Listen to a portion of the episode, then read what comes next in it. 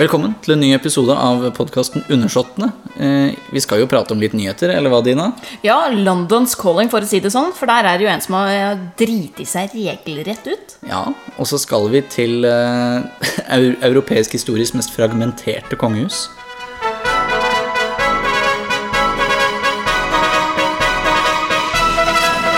Vær så god, Dina. Hvem er det som har driti seg ut i London? Åh, vi kan jo bare på. gjette én gang. Mm, Prince Andrew ja, der satt den. Rart, det greiene der. har jo vært eh, og gitt et intervju nå. Etter eh, altså Han har vært i BBC. Han har vært i BBC.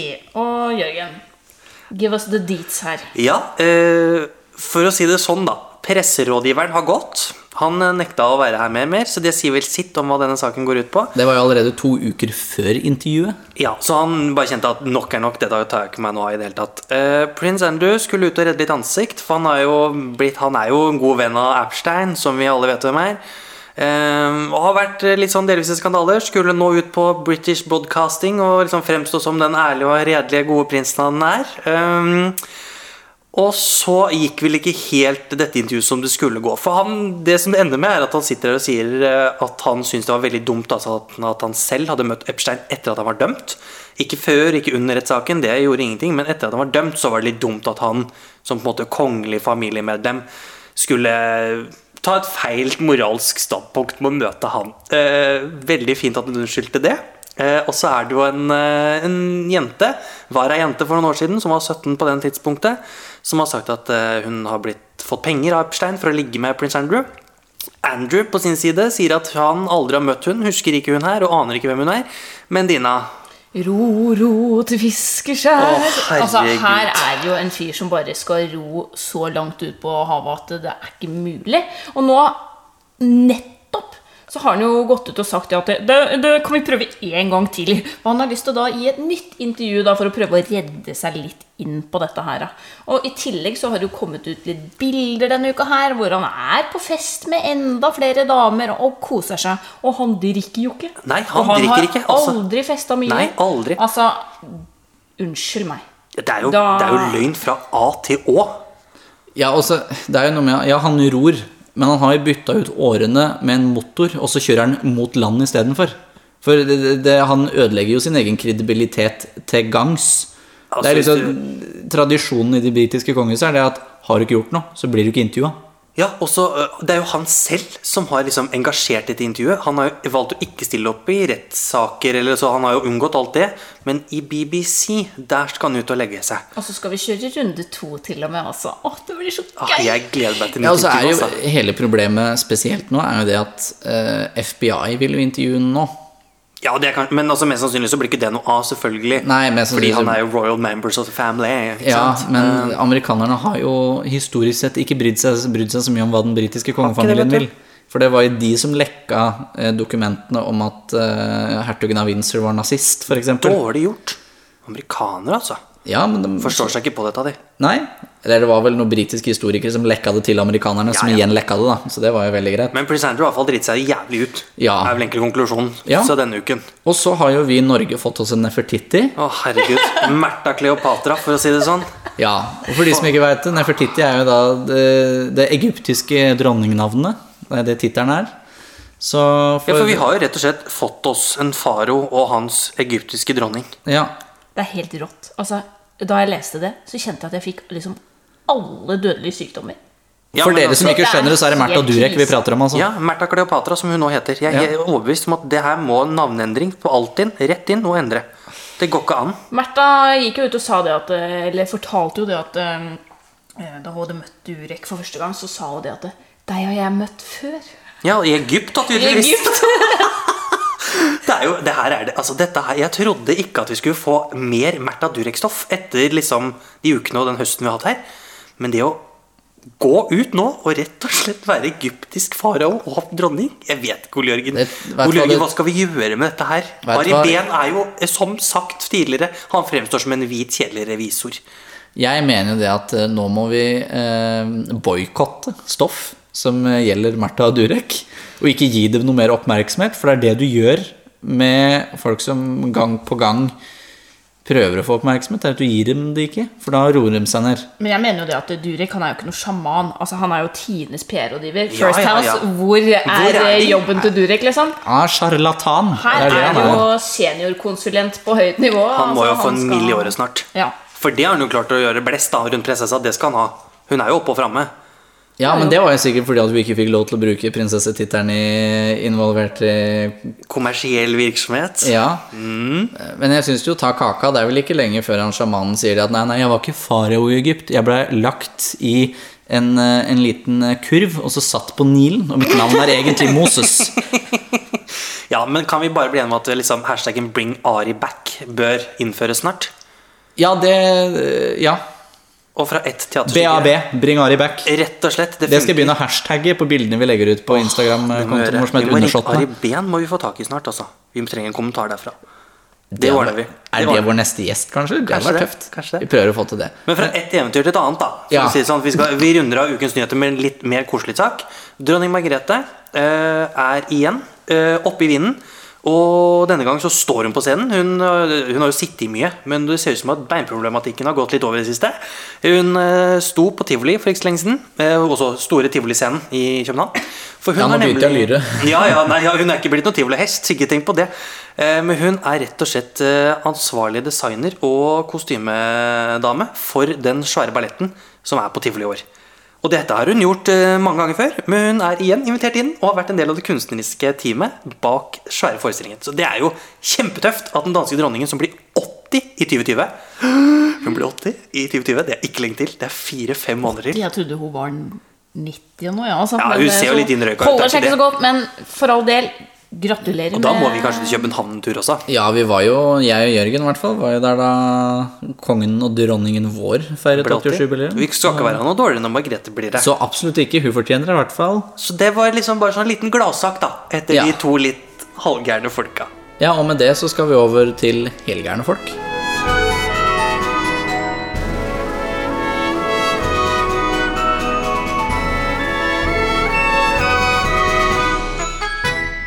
Det mest fragmenterte kongehuset i moderne europeisk historie var eh, måten vi introduserte det på. Det gjelder jo mer i dag, men eh, tidligere i historien så kan de jo klassifiseres som ja, de Mest, de mest maktsjuke Ja, kongelige som noen gang har eksistert. Og vi skal da til det russiske imperiet. Rusia! Da, vodka, det er de to ordene jeg trenger. Spasiba! Altså, det her er Vi skal til Østen. Altså, ikke helt til Østen, selvfølgelig. Nei, men vi skal østom. Nostrovia. Nastrovia. Takk. Nastrovia. Så skal ikke Nastrovia. dere sitte og krangle over russiske språket, for vi er nemlig ikke Linda Eide, men vi driver med kongepodkast her. Oh, ja, det er det vi gjør. Kom dere tilbake. Beklager. Ja, det går fint. Nei, men det er jo, Kall det det første østlige. Og det er jo det som det er basert på veldig tidlig, for Monomax krone er jo ikke noe annet enn en forgylt mongolsk hatt. Men eh, Flott skal det være. Nei, jeg har sett den faktisk i er ikke så flott. Nei, det er bare juveler sydd på noe lær, egentlig. Det er enkelt og greit. Men i motsetning til forrige uke, der vi også var innom et eksmonarki, Hellas, så skal vi nå til et eksmonarki i Russland. Ja. Som, eller eks-tsardømme, eller hva vi skal kalle det. Det er, det er jo mm, Tsardømme er fortsatt monarki, da. Så det er Ja. riktig å si monarki. Men eks-keiserdømme, faktisk. Ja, og det er jo Men i motsetning til Hellas, da, så har vi jo rett og slett ikke noe liksom, konge som er frontfigur, eller liksom én tydelig person. Vi kommer til det litt seinere, Ja, men vi har jo- skal vi begynne litt bakover? Ja, for vi har jo ingen tronpretendent engang. Nei, vi tar en jo- liten sånn runde på det der etterpå, tror jeg. Ja, for ehm, Russland er jo faktisk et eldre kongedømme enn det norske.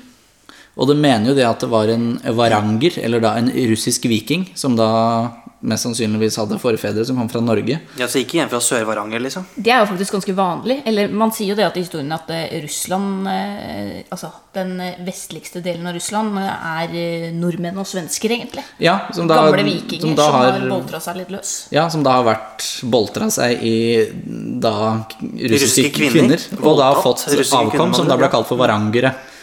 Men det er jo da Rurik som starter det hele. Og dette er jo da han blir eh, storfyrste av Novgorod Og han er norsk, var det det vi ble enige om? Nei, ikke helt, men han Kan vi si det litt? Du kan si det litt. Ja, jeg vil ikke si kan meg enig, litt, men du ja. sier det litt. Det er greit, da har vi en norsk keiser i Russland, ja. Eh, I 862. Han er da født i 839 eller noe sånt, så han er jo ikke 30 år gammel engang. Da han blir eh, storfyrste. Eh, og han er jo da den første herskeren av det dynastiet, men den siste, det er Ivan den grusomme. Og det er jo Vi har jo prata om, pratet om den før. I kongelige Grosny. Det er helt riktig. Og hvis du skal oversette Det er det han heter på russisk. Ivan Grosny. Ja. Men det som er hvis du oversetter det riktig, Så blir det blir det ikke Ivan den grusomme, men det blir Y- Ivan den eh, fryktinngytende. Ja, ja. Ja, ja. Same, same, but different language, liksom. Ja, for at eh, vi på norsk har jo da tatt det fra Ivan the Terrible, som det er på engelsk. Men eh, det er ikke helt riktig oversatt. Nei, det er greit. Det er som Bibelen feil oversatt hele greia. Ja, det er helt riktig. Det er vanskelig å oversette Guds språk. Uff da. Um, men ja, Ivan han er jo da den andre uh, som tar på seg tittelen tsar. Men han er, han er den første som er tsar av Russland. For Før det så var det storfyrstedømmet Moskva. Men så blir da Ivan tsar av Vollen. Eller Vesjeros i tsar, som det heter på russisk. Eh, og han knerter jo både sitt ufødte barnebarn og sin sønn. Hei hvor det går. Så koselig. Ja, for først så klarer han å skremme livskiten Eller han blir jo da så forbanna på eh, svigerdattera si at hun spontanaborterer. Da blir du skremt. Ja, da, da er du skremt, altså. Eh, men så kommer sønnen inn fordi han er forbanna fordi at sønnen hans ble drept av bestefar. Eh, men da tar Ivan stokken sin og bare kneller den juvelen han har på tuppen, rett i huet på sønnen sin. Tinningen. Så da gikk jo han i fortelling òg. Eh, så det er sånn Rurik-dynastiet gikk ut av den russiske historien. Sånn eh, temperamentfulle jævler. Eller? Ja, det her er- det er jo, det er jo russiske tendenser. Ja. Det jo, ja, det må vi si. Vi må være ærlige på det. Det var mye vodka da òg. Ja, ja, ja. Det er helt Texas, egentlig. Det er jo Mer Alaska, En kanskje. liten artig greie apropos vodka og Russland, som jeg har hørt, er jo det at eh, da de skulle finne ut hvilken religion som skulle være Russland sin, så inviterte man da inn eh, mange mennesker som hadde tilhørte disse ulike religionene. Eh, og lenge så sto de og tenkte at ja, liker jo islam ganske godt, da. Men det er jo ikke lov å drikke i islam. Og da sa altså den som leda Russland da, at et Russland uten vodka er inget Russland. Nei, nettopp. Så da droppa de islam, rett og slett. Ja, og så skal det jo sies at under Katarina den store så var inntektene fra vodkasalget 70% av statsinntektene. Så det, Det var var sånn enda godt. Det er rett og slett deres olje. Ja, faktisk. Det er eh, olje og vodka. Det er det Nord-Europa består av. Det går hånd i hånd, da, for å si det sånn. ja. Og så da etter Ivan den grusomme dauer, så er det sønnen hans som eh, Fjodor den tredje, eller et eller annet sånt, som blir Nei, Fjodor den andre, og så er det Fjodor den tredje litt Og jeg er så glad i det navnet. Fjodor. Ja. Det er så Men tullete. det som er 15, nei, 14 år etter Ivan dør, så får vi noe som heter den store urotiden, eller Smutojevremja. Og da mm, er det jo bare borgerkrig helt fram til 1613, hvor da nevøen til den tredje av da sju koner til Ivan den grusomme Boltra seg godt, han. Ja, men det var jo hele gjengen. Oh, ja. Den ble, det, det var, men det var ikke han som tok livet av Han dem. likt. Nei, nei, nei. Oh. Men uh, dette var jo da uh, Hva het hun for noe? da? Levdokia Romanova.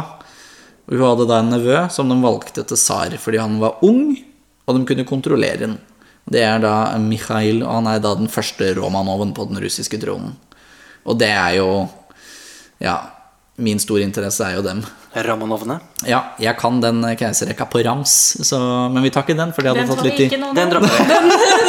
Men det er mye fargerikt i Romanov, kan vi jo si med en gang, før vi begynner på de. Ja, de er jo veldig fargerike, og både i bekledning på den tida og egentlig i handlingsmønster litt seinere. personligheter. Ja, Mhm. men det, det topper seg jo eh, med eh, Mikhails ikke barnebarn, men oldebarn.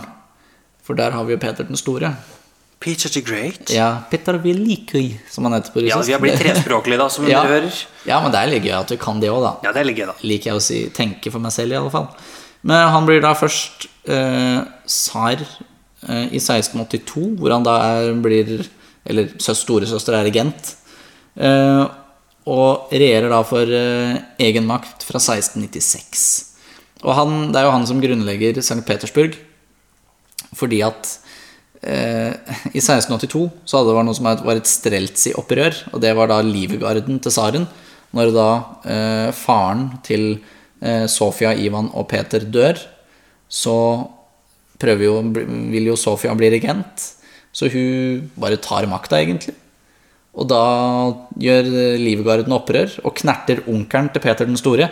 Og det, hvor den måten de gjør det på, er at de tar tak i den, og så kaster de den fra en av balkongene på Kreml, som da var slottet til Romanovene. eh, ned på reiste spyd til en sånn gjeng da, til streltsine som står under. Eh, og da gjemte Peter seg i et skap for å unngå samme skjebne. Så han likte jo ikke helt Moskva da. Jeg skjønner at du bygger deg en ny by når du har muligheten til det, når du har så dårlige assosiasjoner til Moskva. Ja, og det, Jeg skjønner jo det. det er jo litt gøy, for han etter de, har, de hadde jo ikke engang erobra det i de landområdene fra Karl 12., da Peter den store gikk ut på denne gjørmehaugen og sa 'her skal jeg ha en by'. Han bare tok det, han. Ja, begynte bare å bygge. Ja. Så han gjorde det jo først ulovlig å ha murhus noen andre steder i St. Petersburg, så alle murerne skulle komme dit. Han importerte 10 000-30 000 livegne bønder eh, i ti år for at de skulle bygge byen. Og liksom, nei, skal du være adelig, så må du ha et hus i St. Petersburg, ellers så får du ikke ha din adelige tittel. Så ja. Han gjorde det jo på en god måte, da. Ja, ja, Ikke han, sant? han avskaffa jo slaveriet. Ja, det var jo en positiv ting, da. Men det var jo fordi han ville ha dem til å betale skatt. For slaver var jo ikke skattepliktig, men livegne bønder var det. Altså, Peter den store, altså Det er litt av en skrue her. Altså, Jeg øh, opplever at han har drevet med sånn plukk og miks i den moderniseringsfasen sin. Altså, han har bare henta litt sånn Skal vi gjøre litt det og gjøre litt det? Jeg leste til og med det at han innførte skjeggskatt. Ja, og det er Han var ikke noe glad i skjegg. Så bare sånn, det Jo, jo, han hadde ikke noe imot skjegg, men han hadde noe imot det det representerte. For det representerte den gamle ortodokse troen og bojarene, som da var på en måte Det er jo fin inntektsmåte òg, da. høyaristokratiske. Ja, og det var jo ikke Bønder var jo, trengte ikke betale, eh, men hvis de kom inn i byene, så måtte de betale da skjeggskatten. Jeg han, tenker at det, det er noe vi kunne begynt med her i Norge. Her i Oslo, f.eks. På Vi Løkka? begynner jo, å- ja, på Løkka. Skjeggskopp og Grünerløkka. Da er vi, trenger vi ikke noe olje lenger, vi. altså. Nei, ja, men jeg tror det er det nærmeste vi kommer en revolusjon, da, hvis hipsterne måtte klippe av skjegget sitt. Det Da hadde vi nærma oss russiske tilstander, iallfall. Ja, i hvert fall sånn de var i 1917. Ja. Uff da. Uff, Ja, vi skal ikke ikke dit helt ennå. Hvem, hvem flere er vi skal innom? Ja, først skal jeg bare si litt mer om Peter. unnskyld. For vi kikka jo litt på disse barna hans, for han hadde jo 14 stykker. Ja, Men det var jo bare tre av dem som ble mer enn ti år gamle. Og Ja. en av de tre knerta han jo sjøl. Ja, um, fordi han får jo en sønn først. Ja, som, måte- som er Sarevitsjen, altså kronprinsen, kan si. det Han Ja. blir jo faktisk kronprins eh, og blir 28, og så blir han jo, ikke sant Ha det godt. Og så får han en datter, Anna, som gifter seg greit, og hennes sønn igjen blir jo en eh, tsar. Så liksom barnebarnet der er greit. Og så har han en datter til, eh, keiserinne, eller tsarina, eh, Elisabeth. Ja. Hun også er jo keiserinne eller tsarina i seg sjøl, men hun får jo ikke noen unger, eller noen ting, så det blir ikke noe mer der. Nei. Så han får jo egentlig tre barn med altså Der alle har en tronfølger, da. ja, det er jo Enten i seg selv eller ungene sine. Ja, men eh, sønner har ikke så lang levetid i russisk historie. Så Det er driftige damer. Ja, så barnebarnet til Peter, eh, det er vel da ja, Peter den andre. Han regjerer jo bare i tre år. Fra 1727 til 1730, og så er det over, og så er det bare kvinnfolk. Fram til Peter den tredje, da. I 1762. Og det, det er jo kona hans som er den interessante. For Peter regjerer jo ikke mer enn i tre måneder, eller noe sånt. Peter 3? Ja, Peter den tredje regjerer ikke mer enn i ja, et par-tre måneder eh, før kona hans, Sofia av Anhalt-Serbst, eh, tar og knerter den. Var hun Eller, ei hard dame, hun òg? ja, det er jo Katarina den store. Nettopp. Det ligger noe i dette Det går Sofia-navnet. Igjen i Russland også litt sånne der, eh, matroner som eh, liker å slå i bordet. føler jeg. Ja. Ja, og eh, Katarina blir jo av Voltaire beskrevet som en opplyst despot, så det er jo noe positivt her. Men hun får jo ikke gjennom eh, disse store endringene, vil hun mener jo at hun liker ikke slaveri og ikke livegenskap og vil frigjøre alle bøndene. Men så hadde hun 300 000 livegne bønder, da. Hun var den største jordeieren i hele Russland, og alt ble bare styrt av da statslivegene, som da hadde litt bedre um, Vilkår, på en måte. ja, vilkår enn vanlige livegne. Det var jo noe Peter den store innførte. Um, litt, for, for å se forskjellen i rikdom da, fra Katarina til den rikeste um, rikeste adelige, det var uh, fyrste Dolgoruki, eller et eller annet som betyr langarma. Det er litt interessant. Var en av disse terrorrikene som drev og holdt på en general eller noe sånt, som utvida riket sitt så mye at han ble kalt for langarm fordi han tok tak i alt som var så langt unna. Ja vel. Ja, ve- veldig Hvorfor greit. ikke? Nei. Um, men iallfall uh, Han hadde ikke 30 000 livegne engang. Så eh, du kan jo tenke deg der hvor rik Katarina var i forhold, når hun da hadde 300 000. Ganske rik. Ja, Og så var hun jo ehm, Der hvor Ivan den grusomme hadde mye kvinnfolk, så hadde jo hun her mye mannfolk. Ja, hun har ligget rundt som ei kanin. jo altså Ja. Hun var jo 68 år da hun døde, og da hadde hun en elsker som var yngre enn meg. Han var 20. Nå skal vi ikke slutshame her, da. Det er, Nei, det det er bra vi- ja. at uh, hun koser seg. Ja, godt med et friskt sexliv over 60. Ja. Ja. Ja vel. Dere om det. Men eh, i alle fall, hun dør jo da i Hun har jo meska seg i mannfolk i alle år. Det Ja, det hadde jeg jo. liksom- Og, Apropos mannfolk, vi må bare innom hennes første ektemann. Jeg bare Ja, klarer ja, ikke ok, å slippe Peter ham. den tredje, vær så god. Peter den tredje. Altså, for en fantastisk beskrivelse jeg fant av ham. Impotent, mental, umoden drikkefant. ja, Altså, og det var var jo der- sånn Katarina kalt, eller titulerte den etterpå. Etter at den var død. Hun må jo gifte seg med ham av strategiske grunner. Det tok jo altså tolv år før de fikk eh, gifta seg, da. Fordi at det, Nettopp på grunn av de tinga her.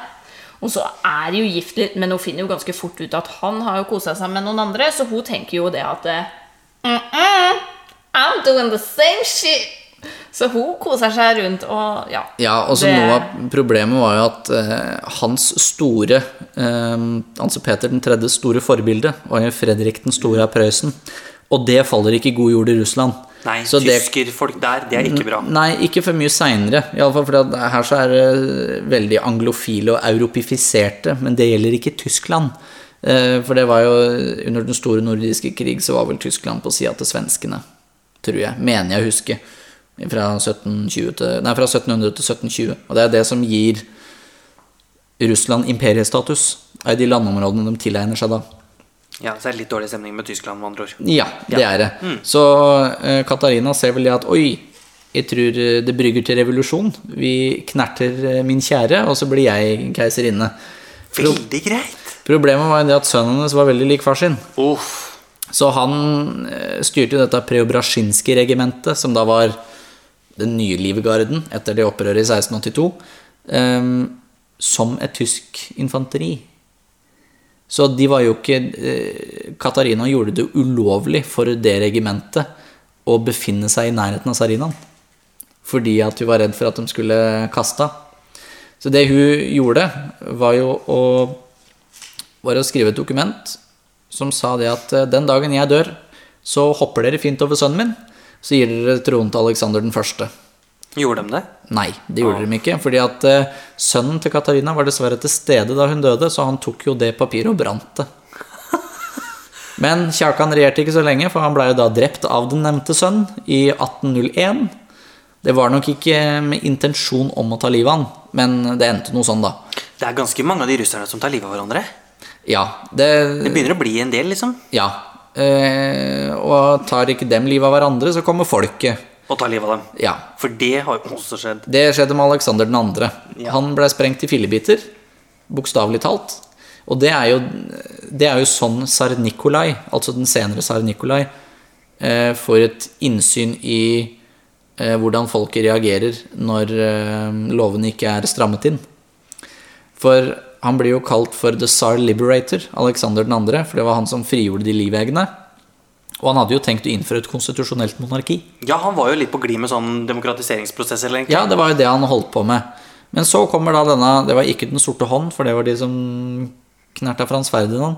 Eh, Men ja, jeg husker ikke hva den eh, revolusjonsgruppa hette. Men først så kaster de da én bombe på vogna til tsaren, som treffer hestene foran og tar livet av kusken. Tsaren går jo ut da for å se hva som skjer, så da kommer jo en annen revolusjon her og bare kaster en ny bombe, og boff, så var beina til tsaren borte. Eh, Så dem drar jo han bare inn på Vinterpalasset, for dette er like ved. Eh, hvor da eh, fremtidige tsar Alexander 3. og fremtidige tsar Nikolai 2. er. Så det er jo ikke så rart at de ikke likte demo, demokrati, disse tsarene. Nei, når inntrykket ditt er at du blir sprengt beina av, rett og slett, Ja, da skjønner jeg at du vurderer styreformer som uegna. ja. Og av alle ting så er det jo da bygd ei kjerke over den plassen som, eh, som tsar Alexander ble drept på. Church, Church of the Savior on the Holy Blood.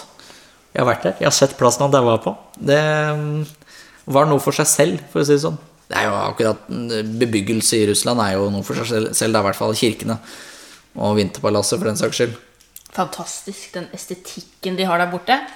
Det skulle vi gjerne hatt mer Ja. av her, Skulle hatt litt mer av, for det er en sans for eh, Gull og glitter og det som er. Altså for mye av allting, egentlig. Se for dere et vinterpalass alt, ja. på Slottsplassen, liksom. Ja, det hadde jo strekt seg sikkert da fra Aker Brygge til Holmenkollen, ikke sant? Det for å bare sette litt i perspektivet du måtte rive i Stortinget bare for å få plass til Slottet. Ja, men der har vi bygd ny garasje, så det tror jeg vi skal bare la ligge. For Ja, det kan bli det- veldig dyrt, på en måte. Er underjordisk palass, da, bare i- Hele Oslo, egentlig. Ja. Ja. Det prøver vi på. Kanskje de har det på Slottet? Deres Majestet Kong Harald, sett i gang. Det bør jo være noe underjordisk i Slottsparken. Dette har jeg aldri tenkt på, egentlig. Ja, De har sikkert noen sånne ganger i tilfelle krig. Det, Må jo være det, ja. ja, det er det nok. For det er ganske lite slott. Ja. Men um, Nok om det. hvor var vi? Jo, vi var Vi er i over- Russland. Ja, for uh, her Nå kommer vi jo til det leddet hvor den danske kongefamilien gifter seg inn. Ja, det Europas- er jo nest siste ledd. Ja. Europas svigerfar eh, kommer på banen. Kristian 9. gifter dattera si Dagmar bort til eh, egentlig storebroren til Alexander 2., men så stryker han med av noe feber. Så da Du arver jo Kona, ikke sant? forloveden, enkelt ja, og det, greit. Du tar bare over kona, det er ikke noe problem. Ja, og det var jo noe, det var noe så Alexander lovte broren sin på Dødsleiet? Dødsleie? Ja, på sotteseng. At jeg skal ta vare på Dagmar. Enkelt, han sa det nok sikkert ikke sånn. Det var noen Jeg skal si det ta på Dagmar. Ja, han tok det på dansk, faktisk. Nei, det, Jo den da, den russiske tsaren kunne sikkert dansk. Nei, han kunne ikke det. Nei vel, greit. Dette har jeg lest. Det var tullerussisk, men vi regner med at det er noe i den, den duren. duren. Ja, men det er nok det. Um, ja, så dem eh, gifter seg jo. Uh, det som er veldig gøy, er det at tsar Aleksander 2. blir uh, Han blir da kalt for onkel Sasha. Eh, Men også eh, onkel Bjørn, fordi at han var så jækla svær. Han var da en russisk bjørn. Ja, han var jo det? Er ikke det Alexander den tredje? Jo, nei, jo, var det ikke det jeg sa? Nei, du har sagt den andre et par ganger nå, men det er Alexander den tredje. Jeg mente den tredje. Ja, Faren sånn hans er vi den andre. Ja, konkluderer. Det er han, hun som han gifter seg med en danske. Ja. Det er nummer tre. Jeg hang litt igjen på ja, han faren. Det går fint. Jeg bare kom på det. ja det var fint. nå. Det var fint. Uh, uh, og partytrikken hans, det var jo da å rette ut hestesko. Det var liksom greia. Det var hobby. Ja, ja, men det var sånn han gjorde når han var på, var på da Fredriksborg, er det ikke det det heter? Jo da. Jo, på sånne familietreff så var det da rett ut. Eller Fredensborg og sånt. Ja, Fredensborg var det. Fredensborg. Da har du kjip familie hvis det er det du bestemmer deg for å sitte og gjøre. Ja, men det er jo Det kan man jo si, ja. Det er jo en veldig morsom historie da fra den tida hvor de var på, på Fredensborg. For der samles det jo hver sommer. Ja, hver sommer. Det var, Europa, det var egentlig. der kong Haakon traff eh, dronning Maud. Eh, De eh, var på ferie med tsar Nikolai da han var ung. Eh, Men så er de da eh, ute og går tur. Kristian 9., kongen av Danmark. George den første, kongen av Hellas. Tsaren av Russland, er Alexander den tredje. Kongen av England og dronning Nei, jo, det var vel de. Og så hvem siste var det? Eh, Det var en eller annen kongelig til, men det husker jeg ikke nå. Sikkert en av disse tyske prinsene. Ja, sikkert. Så er de da ute og går tur, og så treffer de på en mann. Som da også lurer på nei, hvem er dere? Og da sier de jo dette. Nei, kongen av Danmark, tsaren av Russland, kongen av England og kongen av Hellas. Ja, og jeg er Jesus, sier han andre og går. Det er en fin historie. ja, jækla morsom. Det, og det overrasker meg ikke at det har skjedd heller. Men hun danske dama som gifter seg bort der, da. Ja. Hun er jo mammaen til siste keiseren. Ja. Og eh, tsar Alexander 3. dør da av tuberkulose i 1894. Tsaren er da 25 år gammel. Um, Ja, Nikki, på en måte. ja, Nikki. Nikolai.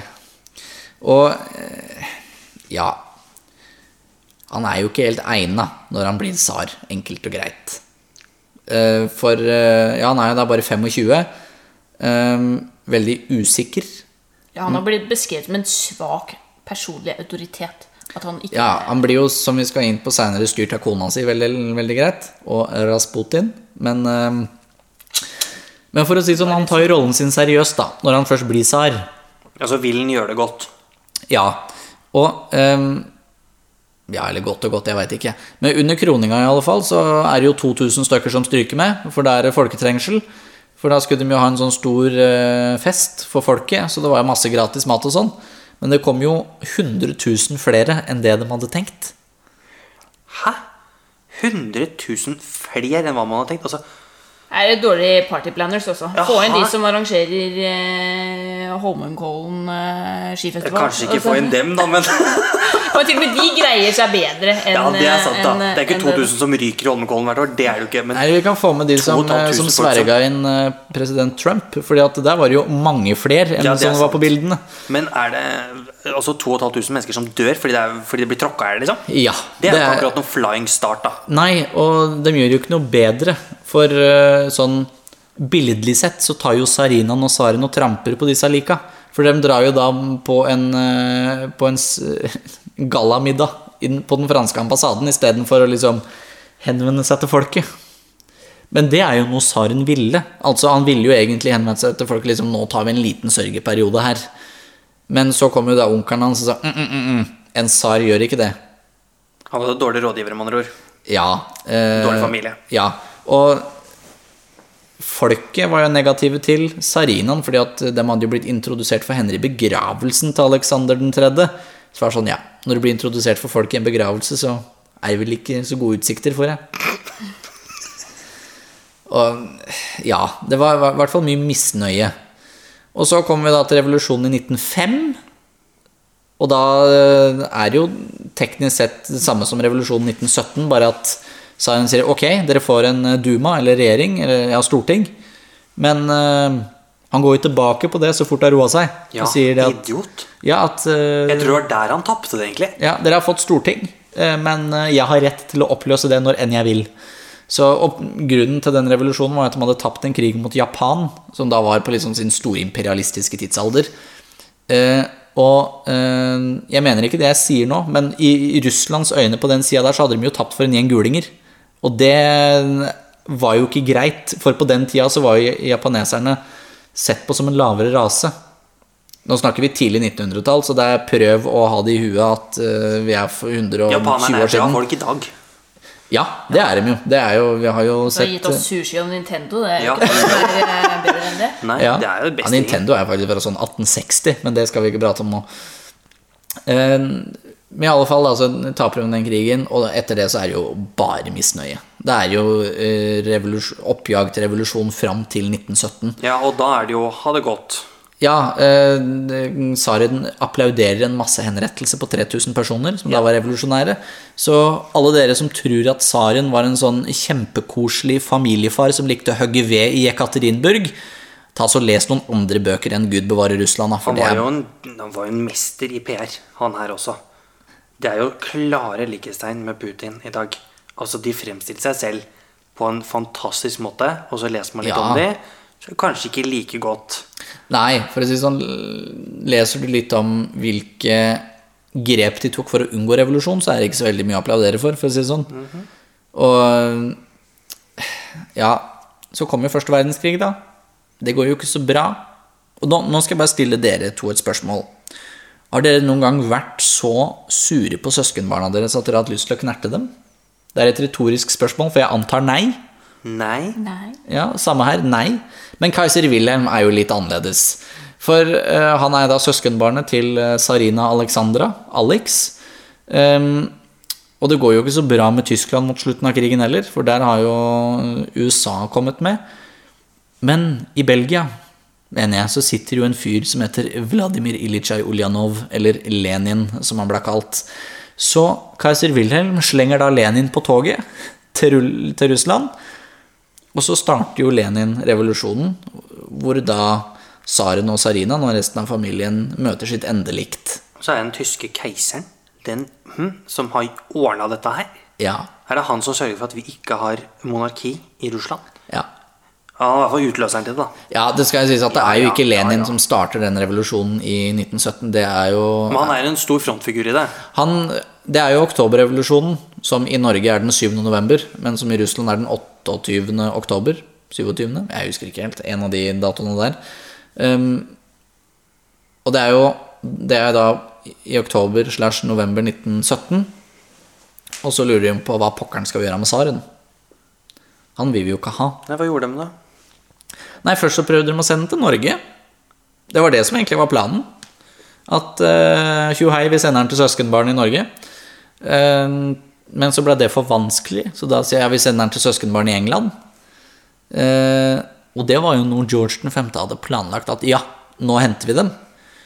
Men så har det jo kommet frem seinere det at eh, George 5. endrer litt mening, for han er jo litt redd for revolusjonære tendenser Han er jo livredd for at monarkiet skal falle hos seg selv. Ja, Ikke sant? Så- Når fetteren din kan miste tronen, så kan du miste tronen. Han er sier sånn. vel noe i den engelske duren, bare ikke like direkte, som en at han kan seile sin egen sjø.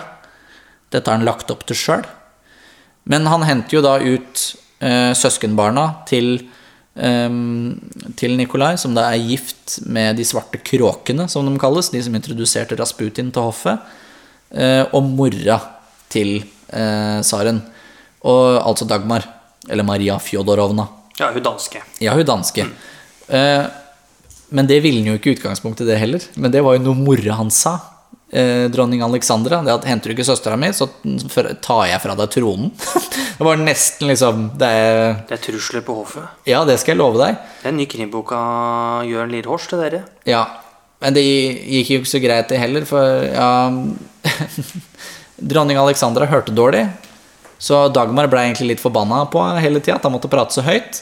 Så eh, Dagmar flytter da tilbake til Danmark, bor da på Amalienborg, men liker ikke at hun ikke er førstedame. Nei, Så, så hun sier 'jeg vil heller være nummer én på Fredensborg enn nummer ti på Amalienborg'. Ja.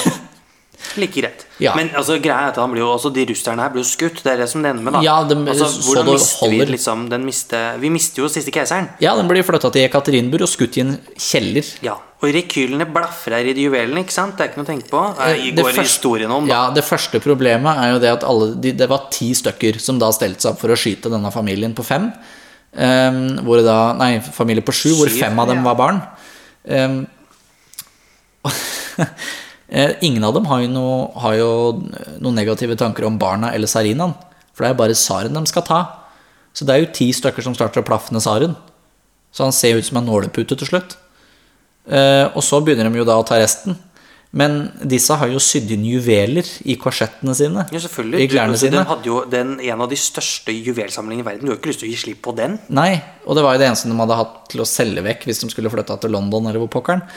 Ehm, men det er jo som skuddsikre vester. Så det ender jo opp med at det må stikke Dolke dem ned.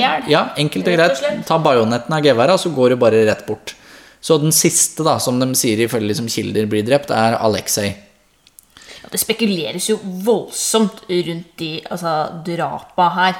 Ja. Altså, om det var noen som eh, lå og pusta litt lenger, og om de ble dolka, og at de som utførte disse drapa her, var så berusa at de egentlig, egentlig ikke husker hva de holdt på med. Så det er jo det som er så spennende! At vi ikke aner egentlig 100% kanskje. Kanskje jeg håper det. At vi ikke vet hva som skjedde, og at de lever i dag. Men For det har jo vært Ingen av dem lever, mye dessverre. rykter opp igjennom om at spesielt én av prinsessene Ja, kom seg ut. Anastasia Nikolajevna Romanova. Anastasia, ja, rett og Ja. slett. Har vi noe, har vi noe på det, Tina? Har vi noe? har vi noe på Jeg har Har noe noe som debunker den teorien ganske Ja, lett. bare dropp det akkurat nå, så skal vi bare ta litt grann Ok, da, da de, de, Ja. debunker jeg etterpå. Nei, altså Det sies jo det at uh, Anastasia altså Det er kanskje mange som husker den, den flotte tegnefilmen fra ei Ja. tid tilbake. Det er min favorittfilm. Men Anastasia Som- Rasputin Min og også. hele gjengen. Ja, men jeg må jo si det at jeg får jo lyst til å rive ut mitt historiske hjerte når jeg ser på den, for der er det jo bare feil på feil ja, på feil. Nei, la oss leve i håpet, da. Fordi det er jo altså så sinnssykt mange historier rundt eh, dette her. Og, og det er blant annet ei som eh, de tror da, kan være denne Anastasia, eller trodde, da. Anna Anderson. Ja, er Er det det, hun bra som, nå? er det hun som var polsk, som flytta til USA? Ja, altså Det er vel det de sier, da. Det er jo hun som var den russiske prinsessen ja, som flytta til USA. Riktig. Mm. Altså, Nei. Anastasia. Nei, men altså her eh, Det, det var altså eh, kriminolog eller bla, bla, bla Ja. som sjekka og så på ansiktsstrukturen hennes og mente jo at dette her måtte jo være Være mm, Prinsessen. prinsessen. Eh, og så er det jo kommet frem det Jeg, jeg også, Ole Jørgen, jeg har lest at de har funnet levninger etter alle disse. Ja da. Ja, det, Alt er sjekka DNA. det, så det nei, det er to skjeletter som det mangler, men det er Alexei og uh, Tatjana. Så det er jo absolutt ikke Anastasia som de, eh, de ikke har funnet. Men problemet for Tatjana og Aleksej er det at den ortodokse kirken vil jo ikke gravlegge dem før de er 100 sikre på at det er dem. For det har de jo funnet ut med disse resterende. Men de fant jo to skjeletter eh, i etterkant. I 2007. Ja, det er de to skjelettene Ja, som de fortsatt da lurer på om er Tatjana og Aleksej. Men det veit de ikke. Og det fun fact holdt jeg på å si, om den begravelsen til tsarparet, for den ble jo gravlagt på dagen 80 år etterpå at den ble skutt, så var det jo eh, bare representanter fra det britiske kongehuset. Kong Harald eller var ingen fra det norske kongehuset som dro. Og da snakker vi søskenbarnet til kong Haakon den syvende, altså. Og det ble ikke sendt en repre representant engang. Eh, og den russiske statssjefen på den tida, Boris Jeltsin, skulle ikke være der. Men han dro likevel. Han var jo sikkert drita. Sikkert Nei, for dette er, dette er kall det like før han på en måte var sørpedritings. Men jeg var litt redd da jeg så bildet hvor han bukker foran kisten, at han bare skulle ramle over dem. Men eh, det han sa når han kom til da eh, Peter og Pavlov-katedralen i St. Petersburg, var det at eh, dette er den største skammen på russiske hender. Den fortjener at jeg er og sier unnskyld. Det er ikke gærent. Men ok, greit, folkens. Vi, vi har mista Anastasia, liksom. Hun Ja. er borte. Ja. Men, og ikke sant, Nicolai den andre er borte. Men det er jo fortsatt dramatikk i den imperiske familien. Det er ikke noe tvil om. Den Fordi- eksisterer jo til dels Ja, fortsatt. altså, som vi sa, det er en fragmentert gjeng. Fordi det er Ja. jo faen, De klarer jo ikke å finne ut av hvem som skal styre dette sjappa. ikke sant? Og her er jo da på en måte moderne problematikk eh, har eh, utformet seg og spilt ned på tre mennesker, egentlig. også For det er jo Man krangler litt om hvem som faktisk er Kall det tsaren, da, i dag. Eh, vi går kjapt gjennom de tre som mener at de har eh, riktig krav. Ja, For det her er jo, det er jo veldig gøy at en familie klarer å krangle om dette, for det, det skal ikke være mulig. Eh, Men det første er jo altså hun som man ofte ser i europeisk sammenheng på familiebegivenheter som bryllup og dåp og tjohei. Storhertugunne Maria. Eh, Og hun har jo på en måte Alle var enige om at hennes far var liksom den siste tronarvingen, eller den siste som hadde rettmessig plass. Det var alle enige om i alle deler av familien. Det er når han dør i 92 at ting skjer, da. For da sier hun som eldste datter og eneste datter at ja, da tar jeg over, takk skal dere ha. Det syns ikke de andre gutta i familien er så veldig populært. Og så er det jo ikke lov ifølge Romanov-lovgivningen da, at en dame skal arve tronen. Nei da, så det er litt sånn på kanten. Men hun er på en måte den som var per def størst, egentlig. Så pappaen hennes var på en måte keiser. Ja, sånn arverettsmessig så Så er er det det, er det hun. Men så har jo da også et par andre litt sånn eh, De er jo gruppert opp, denne Romanov-familien, i tre hoveddeler, egentlig. Så Maria er den ene. Og så har du en som heter Prince Andrew, som er en amerikansk kunstner og forfatter. En litt sånn spesiell type. Eh, og han eh, er eh, ca. samme familielengde unna som Maria. Men hans bestemor er liksom issuen her, for da er det jo en dame. på en måte Det er ikke en mann, mann, mann, mann-linje, sånn som med Maria. Men det er da en mann-dame. ikke sant? Så her får vi problematikk med det, ifølge Romanovene. Men hva, var det Senja som var Ja, noe bestemor Senja. Ja, søstera til Sara Nikolai? Ja. Ja. For det er vel de tre grupperingene går vel ut fra da Senja, også de to søskenbarna til tsaren, er det ikke det? Jo da, fordi alle tar utgangspunkt i tsaren Aleksander 2. Det er der de kommer fra, alle sammen. på en måte Og så Ja. Aleksander 3. da er liksom den som er med Andrew. Så han er på en måte en keiser nærmere, kan du si. Ja. Men det er en dame, så der, der ryker han, på en måte, da.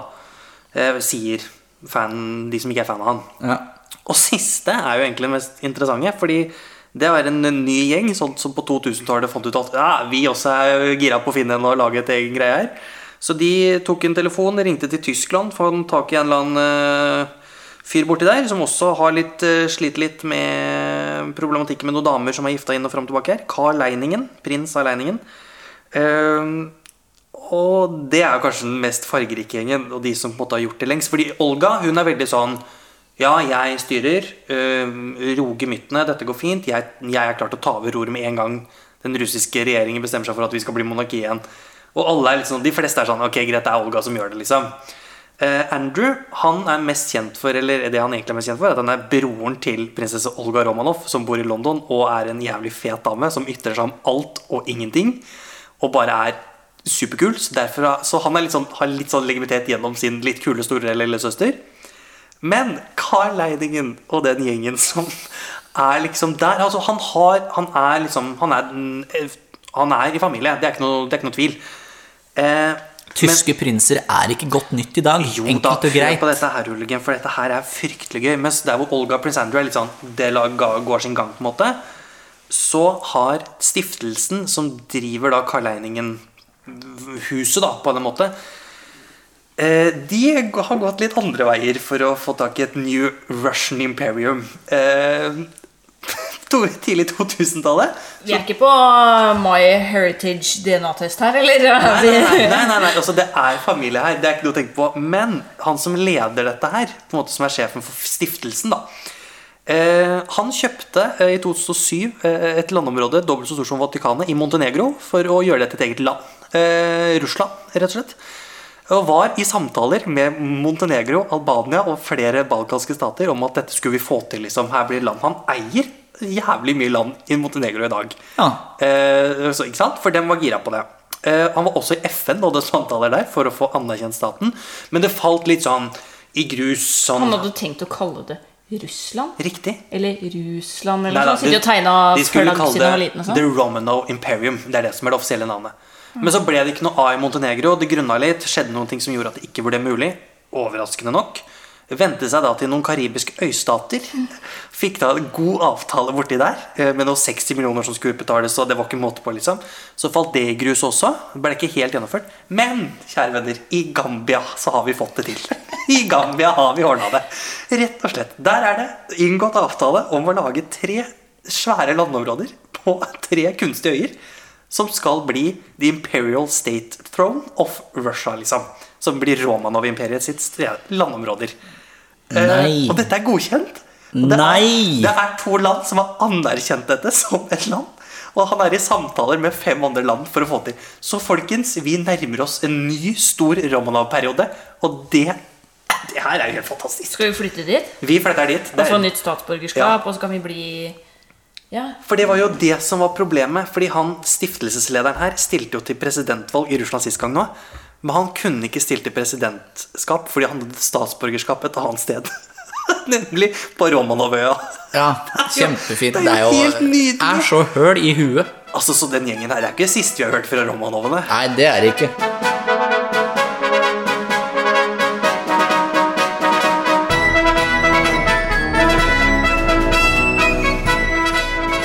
Spørsmål, folkens. Har vi fått inn noe? Jeg har i hvert fall fått inn uh, noen. Klin til. Hvor etta eh, går på kanskje litt mer eh, hva, hva er det vi skal si? Det moderne Russland. Om, hadde Putin gjort seg bedre som konge med de restriksjonene som ligger i et monarki? Eh, Well, first of all Nei da. Eh, Pervoje eh, først, men det er liksom Ja, i et konstitusjonelt monarki, selvfølgelig. I et russisk monarki, nei. For den russiske presidenten har praktisk talt mindre makt enn det den russiske tsaren hadde. Og Putin har teknisk sett all makt. men det er jo hele altså, tanken bak eh, altså, Russland. At man skal styre med jernhånd fordi det er verdens største land, og da må man kanskje gjøre Den det sånn. første Rurik, han var en mer demokratisk sjel. Ja, han norske keiseren. Oh. Er det, ja, ikke Mhm. Sant? Storfyrste. Ja. Storfyrste. Ja, storfyrste. Men han var jo demokratisk, Ja, nei, nei, men. Norsk. Russland som, liksom, som eh, politisk samfunn var mer demokratisk på den tida. Storfyrsten kunne kastes ved valg. Eh, hvor det da utvikler seg senere til Ivan Grusomme, så var det vel ingen andre som turte å si at sorry, men tror ikke dette funker. Nei, Så Putin hadde vel kanskje ikke gjort det bedre da. Mm. Men det er jo interessant da for bestefaren til Putin, som da het av alle ting Spiridon. Han var da kokken til den siste tsaren av Russland. Jøss. Det, er, eh, det henger sammen, alt dette Her kan det kan her. spekuleres mye, men det gjør ikke vi. Nei, Vi driver ikke med spekulasjon. Nei, det gjør vi ikke. Nei absolutt ikke. Eh, hva er forskjellen på en tsar og en konge? Eh, og det er, for, å si Slå sånn opp i ordboka, da. Herregud. Ja, eller bare se på, se på etymologien, for tsar er keiser. Det er en, og i hierarkisk så er en, har en keiser mer makt enn en konge. Takk og farvel. Yes, enkelt og greit. Um, hvor stor påvirkning hadde Rasputin på tsarinaen? Og her begynner vi å gå inn der hvor jeg begynner å irritere meg, da. For alle sier det. Nei, Rasputin lå med Alexandra. Nei. But nei. Nei? Nei. Hvordan kan du si nei? Hvor mange bøker om Romanovene har du lest, Dina? Dina, fortell. Det er mye morsommere på deg. Det er, heller, det er sant. det er sant Dina er en morsommere personlighet akkurat nå. Vær så god. Rasputin altså, det, han, det, det er bare én hashtag som passer til ham. Det er hashtag metoo. Altså tidenes gris. Altså, Selvfølgelig har han vært borte og pøka på hun Alexandra. Pøka på! Selvfølgelig har han det! Altså, Har man lest altså, Har man lest? Ja, nå! Nå! Ja. Nå gleder jeg meg. Bare Wikipedia-artikkelen gjør at jeg får grøsninger på ryggen. For en sjabla type. Nei, Altså, er det bare den du har lest? Dina. Ja. Nei, vi har sett tegnefilm, og jeg har eh, Du har lest deg opp på det, rett og slett. Også. jeg, jeg har bare valgt å Jeg er en sånn intuitiv person. Jeg tenker og jeg føler med alt jeg kan at han bare er en gris, og han har selvfølgelig altså, Selvfølgelig var han en gris, men jeg eh, vil ikke si at han lå med Sarina av den grunn, for den eneste hun var hengiven mot, var Nikolai den andre. Ja, og hvordan vet du det? Altså, unnskyld Det går jo an å forstå en personlighet litt ut ifra det du leser av hvordan han har oppført seg, da. Nei, jeg tenker det at eh, selvfølgelig så skriver man jo bøker om at Nei da, hun var så hengiven mot sin Nikolai, og det var selvfølgelig Ja, bare de Nei, men, nei, men du Liksom. bruker jo jeg, er ikke- jeg har ikke lest én setning hvor det står at hun var så hengiven mot tsar Nikolai. Det er jo mer det store og hele bildet av øh, hvordan Tsarinaen oppførte seg og prøvde å styre Russland på vegne av sin ektemann. Ja, og det er nettopp derfor det er så enda lettere å være bortpå Rasputin på si, da. Det tenker jo jeg. Altså, nå fyrer jeg meg opp. Okay, Det kjenner jeg fordi altså, Nå skal dere å roe dere ned, for hva var spørsmålet, egentlig? Hvilken innvirkning han hadde. Og, Å ja, og det ja. er jo bare via sønnen. Ja, Alexei var jo da. Han var jo hemofil, altså bløder. Og um, Der var dere enige, da. Det var Ja, godt der er vi, er vi enige. Men det er jo det um, Han er av en eller annen grunn den eneste som har klart å stoppe de indre blødningene til Alexei. Hvis han, hvis han gikk Unnskyld meg, Jeg har eh, Ja, sjaman Durek, er det der Jeg vi skulle skal eh, akkurat å si det. Er det familiært? Er han i familie med Durek? Nei. Jo, åndelig, helt sikkert. Ja, åndelig så Ja. har han sikkert vært Men er det samme typen? Er Det litt er sånn- samme typen. Litt sånn eh, Frekk og Jeg freidig? eh, fikk et eh, kall en eh, kveld at Han var jo eh, jeg egentlig en skulle og Ja. Han var en dranker og hestetyv. eh, som eh, var eh, Ja. Ble styrt av eh, hodet der nede. Eh, og eh, ja. Fikk plutselig en idé om at Nei, jeg skal ta og litt kontakt med den russiske tsarfamilien. Eh, for der kan jeg kanskje hjelpe til litt. Gud, Rasputin og Durek, altså. Det er gjengen. Og det er derfor jeg bare ikke klarer å tro på at han ikke har vært eh, rundt på litt av hvert. Altså Det går jo ekstremt mange historier om åssen han har holdt på både i badstuer med prostituerte eh, Ja, men det er forskjell på prostituerte prostituert og tsarinaen Nei av da, det er Russland. Men da går vi videre! Tror det er lurt. Ja, det skal jeg love deg. Jeg angrer på at jeg dro inn Rasputin. Eh, fått et spørsmål om hvordan vi forbereder oss til opptak slash sending. Tør vi avsløre det? Vi har jo bare litt sånn Minst mulig, kanskje? ja, jeg, For å si sånn, den i dag så noterte jeg i denne boka mi bare for egentlig å ha gjort det, for jeg trengte det jo egentlig ikke. Alt her har jo gått på rams hele veien. Jeg har jo ikke sett på notatene mine engang. Men eh, vi tar jo gjerne hver vår del.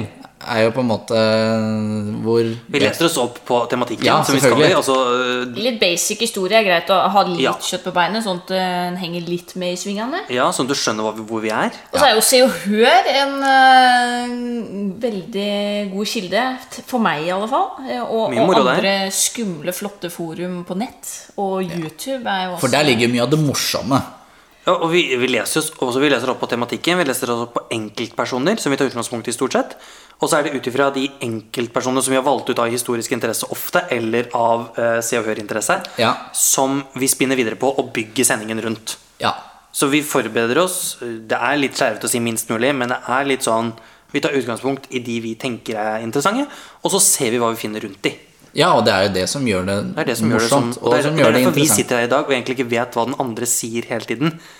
så jeg som sitter her nå, vet ikke hva Dina og Ole Jørgen sier i løpet av sendingen. Jeg blir overraska. Jeg stiller spørsmål. Dina aner ikke hva Ole Jørgen kommer til å si. Ole Jørgen aner ikke hva vi kommer til å si. Nei, det er jo tydelig. Og det er jo, vi blir rett og slett overraska mens vi sitter her. Og det er kanskje det som er litt gøy med, med måten vi jobber på, da. Så har vi noen favoritt blant de kongelige. I Russland Nei, nå tror jeg det er sånn generelt. generelt, ja. Jeg eh, går jo selvfølgelig til Russland, for det er Peter den store, tenker jeg da. Men blant de levende så er det dronning Elisabeth. Den andre. Eller prins Philip. Prins Philip. Dronning Elisabeth er jo selvfølgelig rå, men jeg har bare hatt en sånn veldig så det, ja, det er seriøst ingen grunn til det. Men eh, dronning nå, da. Maxima. Ja. I Fet dame. Jeg har bare alltid hatt en sånn derre For hun ligner altså på norsklæreren min fra barneskolen. Ja, Så det hei, jævla shout-out til Anne Karine Maxima. slash Maxima. De bare var så like, så jeg bare liksom på følelsen at det var en god og hyggelig lærer. Så tenker jeg sånn, ja, det regner jeg med Maxima også. Ja, men Maxima er jo en ganske kul dame. Det skal, men jeg tror jeg eh, drar nok litt lenger sør. Jeg vil en tur til Monaco. Å ja! Monaco Eh, er jo og, så sto, og der er det jo liksom mange å velge med. Men hvis vi skal ta de som lever, så er det på en måte to, to eller tre som skiller seg ut. Det er prinsesse Caroline, eller Caroline, som har gifta seg med Ernst August, som er sånn, ja, bare kaos. Eller så er det prinsesse Stephanie, som er liksom den svarteste sauen du får i hele Europa, tror jeg. Eh, eller så er det liksom prinsesse Charlene som er gift. Men hun er litt sånn kjedelig, så jeg tror jeg, jeg går faktisk for eh, prinsesse Stefania Monaco. Tror jeg må gå på Akkurat i dag så kjenner jeg at det er en fet dame Ja. som vi må snakke mer om senere. ja. Hvilken kongelig skandale vil dere betegne som den største? Altså, Der drar jeg rett tilbake til 37, jeg tenker. 36 blir det vel. Edvard 8. når han abdiserer.